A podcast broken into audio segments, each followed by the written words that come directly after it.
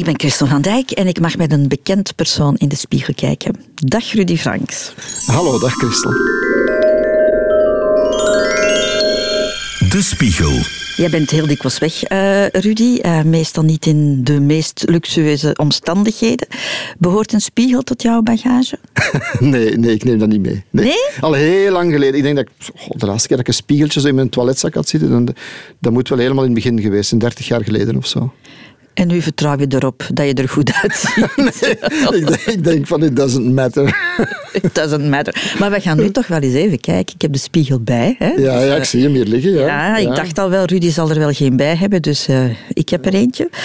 Um, als je in de spiegel kijkt, Rudy, wat ja, beschrijf die man is. Die, ja, ja, ja, ja, ja, eventjes. Ja. Niet, even, ja.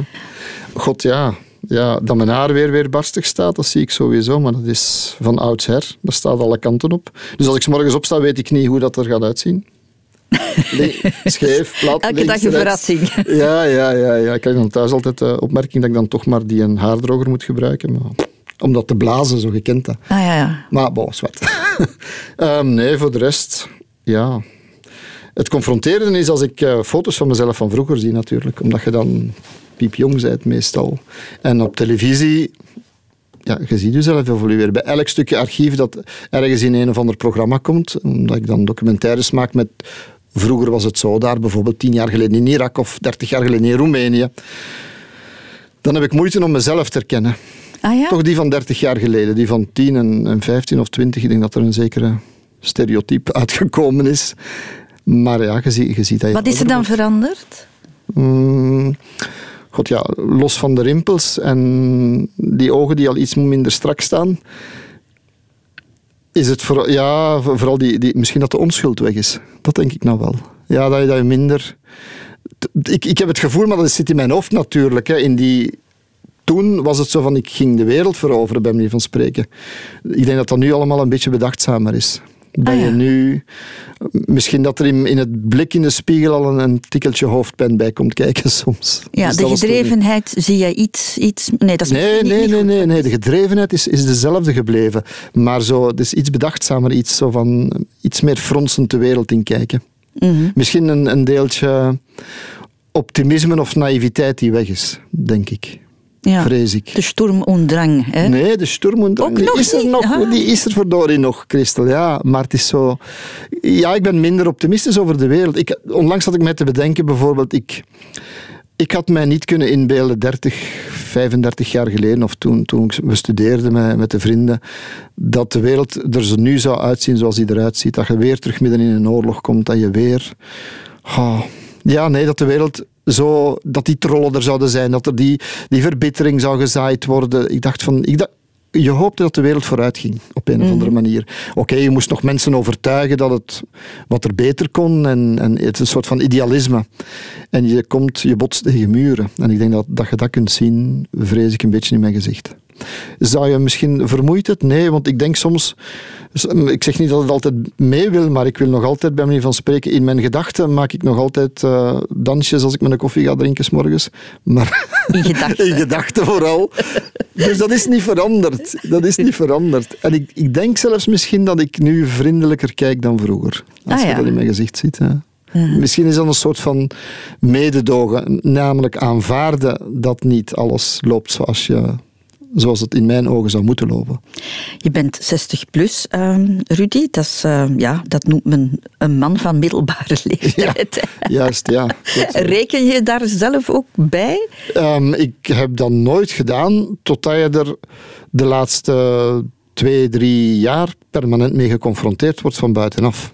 Wat, ik, wat mij in het begin bijzonder irriteerde, op de zenuwen werkte van laat me nu eens gerust. Ik heb vandaag je? weer een mail moeten, moeten deleten van dat, ik- dat ik een, een of andere pas kreeg om in winkels eh, reductie te krijgen omdat je 60 plus bent.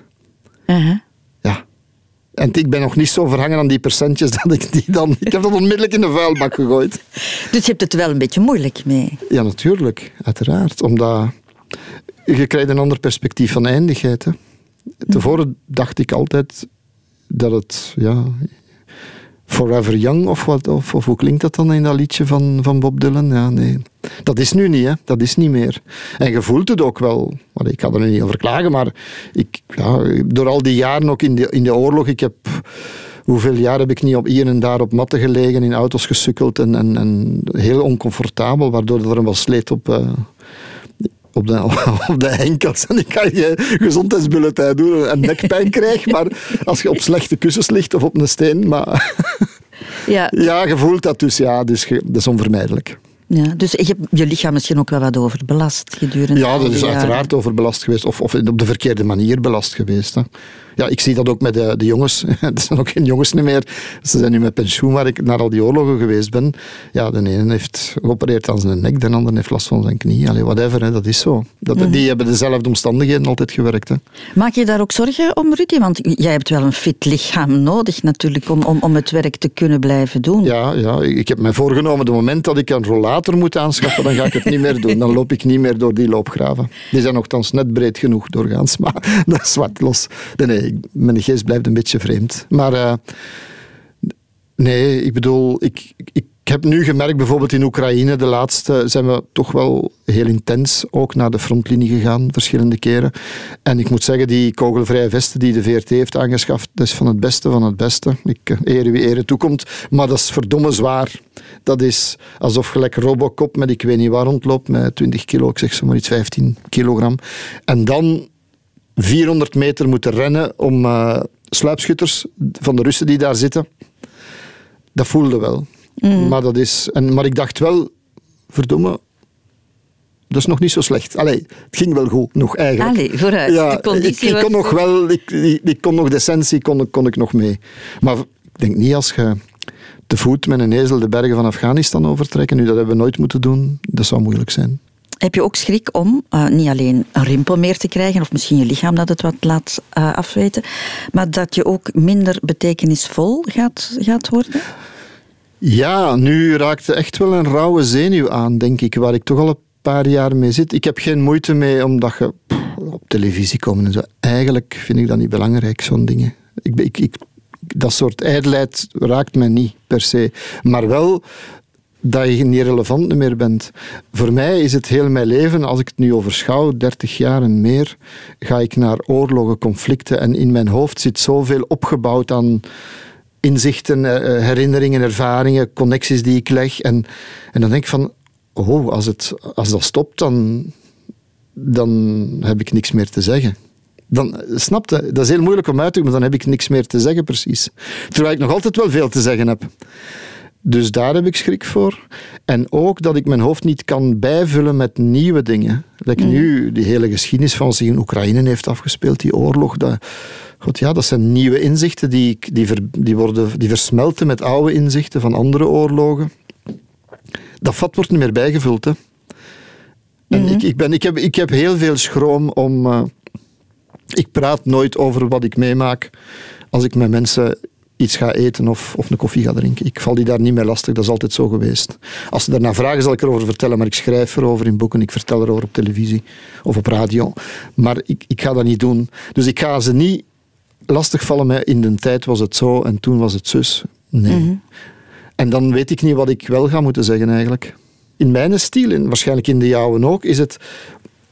Je bent wat je doet voor een stukje. En voor mij was dat heel intens. Ik heb ongeveer heel mijn leven gewijd aan het op pad gaan. En de meest intense momenten. En de wereld proberen te begrijpen in al zijn schoonheid, maar vooral veel lelijkheid. En dat uit te leggen. Hoe, dat, hoe dat je daar moet afscheid van nemen, dat, dat lijkt me niet evident, niet gemakkelijk. Kijk je soms naar jezelf, ehm, en ik hoop dat je begrijpt wat ik bedoel, met de blik van de jonge mensen op de redactie? Op, ah ja, ja, ja, ja. Wel, soms probeer ik die oefening te doen, ik weet het niet goed. Maar ik, ik heb heel veel uh, jonge mensen die langskomen die mij vragen voor stage te doen, die met mij komen zitten, die eigenlijk dat ook willen gaan doen ooit. Of die geïnspireerd zijn doordat we de wereld intrekken. Dus ik krijg heel veel respons, ook op straat of op, in, in een koffiehuis of zo, van jonge mensen, omdat die dat spannend vinden, tof vinden, mhm. inspirerend vinden wat je doet. En dat geeft mij energie. En die jonge mensen Want ik heb zo'n project dat De Nomade heet, om jonge reporters die de wereld ingaan. Ik vind dat inspirerend, omdat die mij, mijn geest ook uh, soepel houden. Ah ja, je hebt niet de, de, de, indruk van dat ze jou ondertussen ook al een, een, oudere... Een oude zeur vinden, of wat? ik weet het niet. Maar ik kan me inbeelden op zo'n redactie. Soms denk ik wel dat mensen... Um, ik moet ook opletten dat je geen monster sacré wordt dat daar rond, rondloopt. Dat mensen zo bijna of ontzag of schrik of, of tegenzin. Dat kan, alle, je hebt al het, het hele spectrum kan daarin zitten. Hè. Voor sommige mensen, maar dat is ook iets dat ik heb moeten leren aanvaarden. Je kunt niet goed zijn voor iedereen. Er zijn mhm. mensen die je niet graag hebben. Dat heeft mij vele decennia gekost om dat te aanvaarden. Dat is zo. Zo zei het. Maar dat je niet angst inboezemt bij mensen. Soms heb ik het gevoel van ze komen bij mijn collega's, die dan de eindredacteur, of allee, zo is in een, ik werk met een klein team, komen ze daar dingen vragen om aan mij te vragen. Zo, zo van fluisterend van. je mocht dat bij mij wel komen vragen, hè? dat is nou niet zo moeilijk. Ja, dat is dat je respect afdwingt. Is dat respect, en, zolang, het, zolang het geen vrees is, is het goed. Ja. Wat is jouw mentale leeftijd, Rudy? Ik denk um, ehm, 48. Oké. Ja. Vond je dat een mooie leeftijd Ik vond dat schoon, omdat je dan al weet... Ja, dan, al, dan heb je dingen, fouten geleerd uit fouten en zo. Ja. Uit fouten, persoonlijke fouten, professionele fouten. Dan, dan zouden moeten normaal een soort van rijpheid hebben en moeten tevreden zijn met de mens of aanvaarden welke mens je geworden bent. Ik denk dat dat zo een beetje 48 is. Ja. Daar had het mogen stil blijven staan. Ja, ja.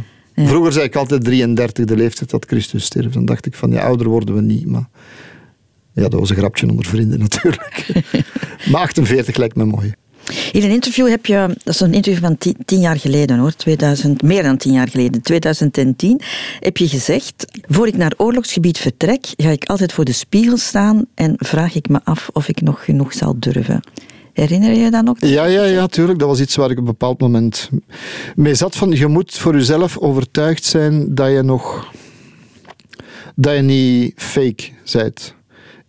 in, mijn, in mijn winkel, zeg maar, in mijn business, heb ik er periodes geweten dat er mensen doen alsof ze naar oorlog gaan. En dan misschien alleen maar op een hotelkamer zitten. Of durven ze wel ver genoeg gaan. Daar heb ik een hekel aan. Ik bedoel, om naar een oorlog te gaan en dan op duizend kilometer te blijven, dat moet niet gaan. En dat is heel legitiem. Ik kan dat, dat, dat mag. Men, je mag angst hebben, je mag vinden dat dat niet voor jou bestemd is, maar dan moet niet de indruk geven dat je het toch doet of toch wilt. Ik vind dat een heel belangrijke les die je van jezelf moet aanvaarden. Maar dat wil dan ook wel zeggen dat je ze voor jezelf moet duidelijk maken. Durf ik nog wel echt? Neem ik beslissingen op basis van inzicht? Dit is te gevaarlijk, dat is wel, maar ga ik nog wel tot op het gaatje, tot in het gaatje van dat, dat je doet wat je moet doen zonder, zonder als een mafkees de frontlinie over te steken. Hè? Maar doe je wel genoeg? Ga je ver genoeg? En vandaar voor die spiegel staan is om, om dat... Uh, om jezelf onder ogen te durven zien en een beetje in een, in een genadeloos licht even te bekijken van durf ik dat nog wel. Nu, als ik jou zo bekijk, uh, Rudy, en enfin, het is waarschijnlijk het resultaat van te veel uh, Hollywoodfilms uh, te zien, maar jij beantwoordt toch niet echt aan het, aan het, cliché van een man die zich in, ja, als een visje in het water voelt. Je Gaan we nu beginnen over mijn meter 73? Nee, nee, maar je bent geen, geen ja. je, je, bent geen stoergebouwde man. Nee, nee. Uh, je ziet er niet uit als, als, als dat je elk moment op de vuist zou kunnen gaan en het gevecht zou kunnen winnen. Dus je bent geen macho-type. Nee, nee. Ik, ik, vroeger ging ik er trots op dat ik heel snel was om te kunnen gaan lopen. Ah, Ik moest niet winnen. je hebt een aantal opties in de oorlog. Hè. Ofwel verstijft je en wordt je lekker konijn. En dat is heel, dat is het meest foute reactie. Ofwel worden zo combatief en gaan vechten, ofwel weet je wanneer je moet gaan lopen. Ik ben eerder van dat type altijd zo, denk ik best. Je moet weten dat je gaat lopen, maar niet te ver. Je moet, allez, zwart. Maar bon, nee, ik ben niet zo. Ik ben, ik, mijn, mijn gestalte, mijn fysiek heeft mij nooit toegestaan. Ik heb dat ook niet gemist. Ik ben al een kop groter dan mijn grootvader, dus dat is al een succes. En ik ben ongeveer van dezelfde bouw, dus, dus mij maakt het niet uit. Ik bedoel, het, het Hollywood-ideaal is Ah, een reus, een kerel, een beer of zoiets die heel vlotjes de wereld tegemoet gaat met een Ray-Ban op zijn hoofd en, en wat is het heel... Mm. Dat is Hollywood, hè. Maar het is misschien ook een pluspunt geweest in, in jouw vak, dat je er niet, niet gevaarlijk uitzag. Nee, ik ben iemand die, waar mensen hopelijk vertrouwen in kunnen hebben als ik die tegenkom in oorlog. Zo van, mij mag je jouw verhaal vertellen. Mij mag je ja, je kan mij vertrouwen. Je kan, je kan, ik, ik sta aan uw kant. En als jij miserie onder ogen ziet, wil ik die even met u mee bekijken. Zoiets. Mm, ja, maar als je nu in de spiegel kijkt, zie je dan een man staan die je zou, die je zou vertrouwen? Straal je dat uit? Wow, ik denk het wel. wel. Ja, als ik nu op Brad Pitt zou lijken, dan zou ik mijn eigen niet betrouwen. Want dat is dat zit iets achter. Die komt mij iets verkopen, denk ik dan. Nee, nee dat is niet. Welke karaktereigenschappen zie je nog in de spiegel? Wat straal je nog uit als je naar jezelf kijkt? Een beetje te, een beetje te, te soft misschien. Ja. Ja? De, ja, ah, kijk, mijn, mijn zelfbeeld is dan anders dan wat sommige mensen zouden denken. Ik vind van mezelf dat ik een beetje te, te soft ben. Ik kan misschien even... Verbaal ben ik, ben ik, kan ik heel scherp zijn. En heel, ik kan mensen, denk ik, neersabelen verbaal. Alleen heb ik dat heel mijn leven onder controle proberen te houden. Soms denk ik dat is mijn eigenste afwijking zo in mijn hoofd. Maar dat je dat onder controle probeert te houden. En ik denk dat dat lukt. Maar eigenlijk ben ik tegelijkertijd ook krimp ik soms in elkaar. Zo van, ik, ik kan niet tegen hardheid. En dus ik denk dat die softheid er te veel van afstraalt. Ik kan niet tegen hardheid mensen die, die, die mensen die anderen willen vernederen of, of, of ja, zo'n dingen. Ik, ik kan daar echt niet tegen. Dus ik ontwijk dat. Ik vlucht daarvoor. Maar wordt de mens ook niet zachter en emotioneler en softer met, met ouder worden? Ik denk dat ik dat altijd geweest ben. Ah ja. Ik denk, ja, maar ik denk dat het altijd zo geweest is dat ik daar niet, niet, niet goed tegen kan. Dus dat, dan, ik, dan denk ik, als ik mezelf zie in de spiegel, van misschien straal ik dat te veel uit. Ik heb soms ook het gevoel gehad, door mensen veel vrijheid te geven, waar je mee werkt in het algemeen, en door... Het is geen gebrek aan interesse of afstand, maar dat is gewoon dat men ja, die ruimte bieden aan mensen, omdat iedereen daar recht op heeft. Maar tegelijkertijd heb ik soms het gevoel, hoeveel keer moet ik iets zeggen dat ik iets niet wil?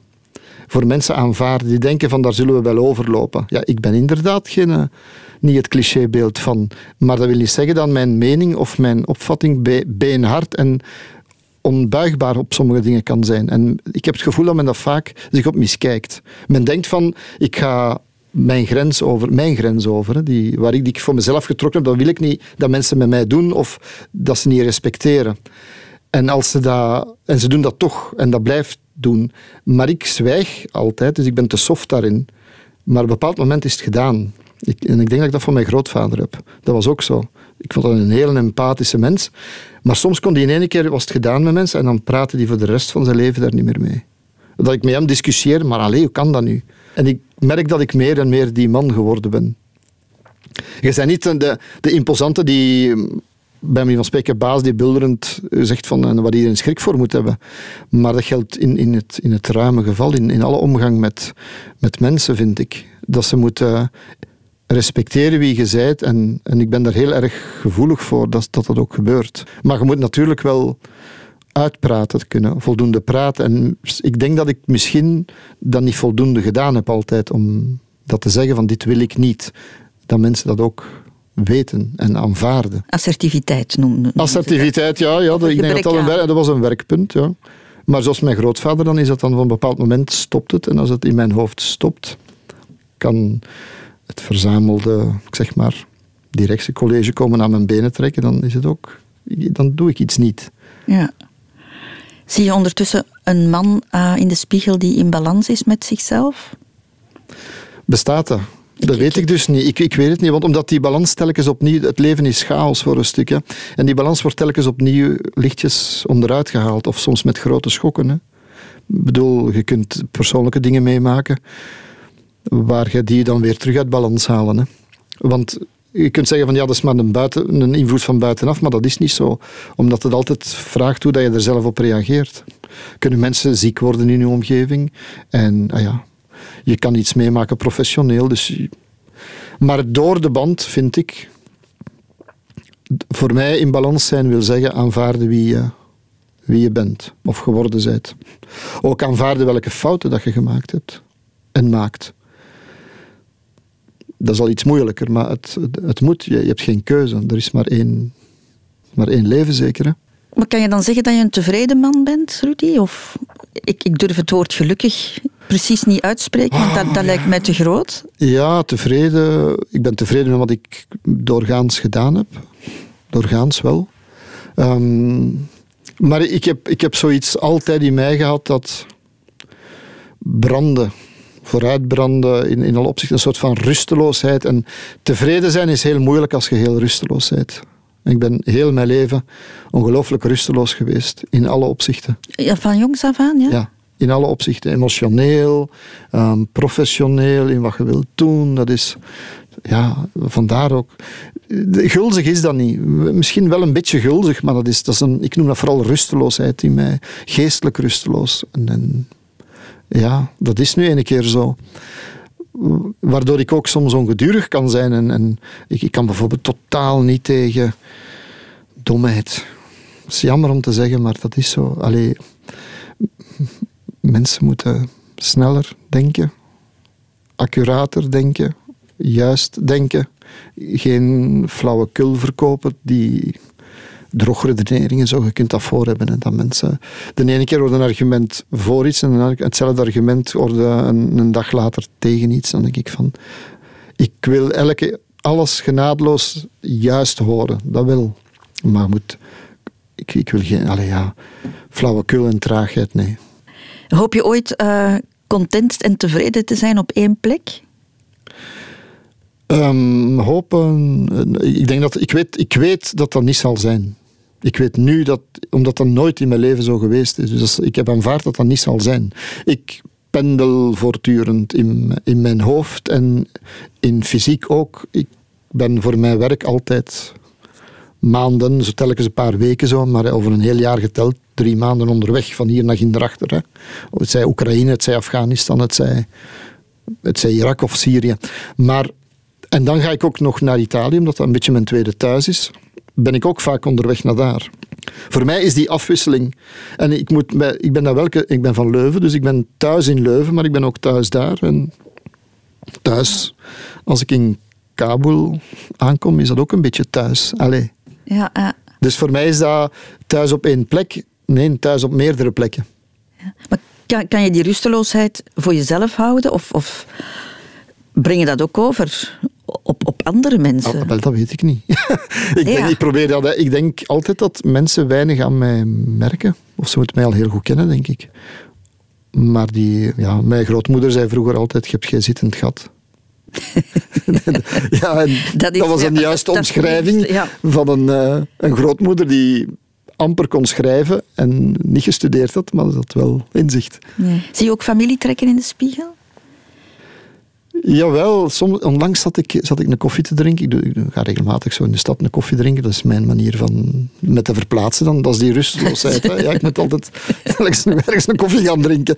En dan kwam daar de, de kapper van het dorp waar ik als kleine pagadder was. Dat is vlakbij Leuven, boven, boven de Keizersberg daarachter. Romain de coiffeur kwam daar langs. En hij zei, kende me nog? Ik zei, ah ja, gelukkig maar, ik herkende ik hem. Maar die mensen moeten dan nu ver in de tachtig zijn of zo. En zei van, ja, ja, want ja, jij zei juist uw grootvader. Ah, wel, ik, had hem bijna ik had hem willen een koffie betalen, want hij zei van... Ja, en die begon dan zo'n zo'n boel kapperswijsheid in één keer te produceren. en ja. ja, dus, dus ja. De grootvader. Mijn grootvader, dat was dan het, het ideaalbeeld even. Is het de grootvader waar je het daarnet ook, ja, ja. ook over had? Dus je lijkt ook qua karakter dan ook? Ah, wel, dat vond ik dan raar. Ik, ik denk dat ik qua karakter ben begin op te lijken, maar, maar fysiek ben ik dan vond hij dat ook. Ik heb zo'n oude foto van hem staan nog in zijn uh, uniform van tijdens de oorlog. En ja, denk ja, misschien, misschien, misschien wel een beetje, ja. Het lijkt erop. Maar ik heb ook de trekken van, van mijn, mijn moeder, dat is via hem dan, dat is de, de vader van mijn moeder geweest. Maar ook van mijn vader zie ik trekken in mij, dus ja. Uh-huh. Hoe, hoe, zie je jezelf als man van 80? Dat is toch nog een tijdje, hè? Natuurlijk. ik, weet, ik weet het niet. Als iemand... Ja, ik, weet, ik heb er geen flauw idee van. Ik heb er geen flauw idee van. Je denkt er misschien ook liever niet te veel over Nee, nee. Nee, ik hoop, ik hoop vooral, ik bedoel, dat je zelf wilt zien, is als iemand die vooral trots en fier genoeg is om, om, dan, om zich niet te laten verloederen, zo, niet laten gaan, in de mate dat het mogelijk is. En ik weet niet dat ik daarmee een taboe doorbreek, maar als iemand die op tijd zou kunnen zeggen van hier stopt het. Ah ja? Ja, dat denk ik wel. Vind je jezelf een aantrekkelijk man, Rudy? Nee. Bij momenten heb ik dat vroeger, als ik jonger was, dacht ik van, wow, dat kan er wel mee door, maar, maar nee, niet per se. Ik sta daar ook niet zoveel meer bij stil. Voor mij gaat het over de, de persoon die je zijt, die je uitstraalt. En ik denk dat dat voor de andere mensen ook meer en meer dat is, wie, wie je uitstraalt en zijt. Want aantrekkelijk, ja, wel ja, aantrekkelijk in die betekenis, maar niet in het schoonheidsideaal van, Van Hollywood. van Hollywood, waar we mee begonnen zijn. Hè. Ja. En dan denk ik van, het is wat het is. Het is niet dat je zegt van dat, als ik het voor het kiezen zou gehad hebben, dan zou ik dat of dat eh, veranderen. Als ik het voor het kiezen zou gehad hebben, dan zou ik een aantal dingen veranderen waar ik iets, waar, dan- maar dan, had ik, dan, dan moet ik dat maar doen. Hè. Dan zou ik mij iets meer gaan, eh, gaan, dan zou ik gaan fitnessen. Dan zou ik zorgen dat ik eh, iets meer in shape ben, dat soort dingen wel. Maar bon, ik zou het kunnen doen. Hè. En ik doe het niet omdat ik zoveel andere dingen doe. Dan is dat mijn eigen verantwoordelijkheid of schuld, denk ik dan. Maar ik neem niet weg. Ik zeg elk jaar opnieuw, ja, nu ga ik wel wat meer dit of wat meer dat doen. Maar- Ja. Laatste vraag, Rudy. En de meeste mensen vinden die niet zo fijn, maar goed. Ehm, wat vind je het mooiste aan jezelf? Oh, la, la. Ja, ik, wat ik mooi aan mezelf vind, is steeds minder. Laten we daarvan uitgaan, toch? Maar eh, ik dacht vroeger, mijn, als ik lachte, denk ik. Ja, meestal. Of de ogen. Maar dan de ogen als spiegel van wat zich in je hoofd afspeelt. Dat vind ik nog altijd het belangrijkste bij mensen. Dat is wat uit hun ogen komt. Ja, Dus dat, ja, sprekende ogen. Ja. ja, ja denk ik wel. Maar je hebt ook een mooie lach. Dus Ah, voilà, ja. we, gaan voor twee dingen. Ah ja, dat is goed, dank u. Dank u wel. Graag gedaan. De Spiegel.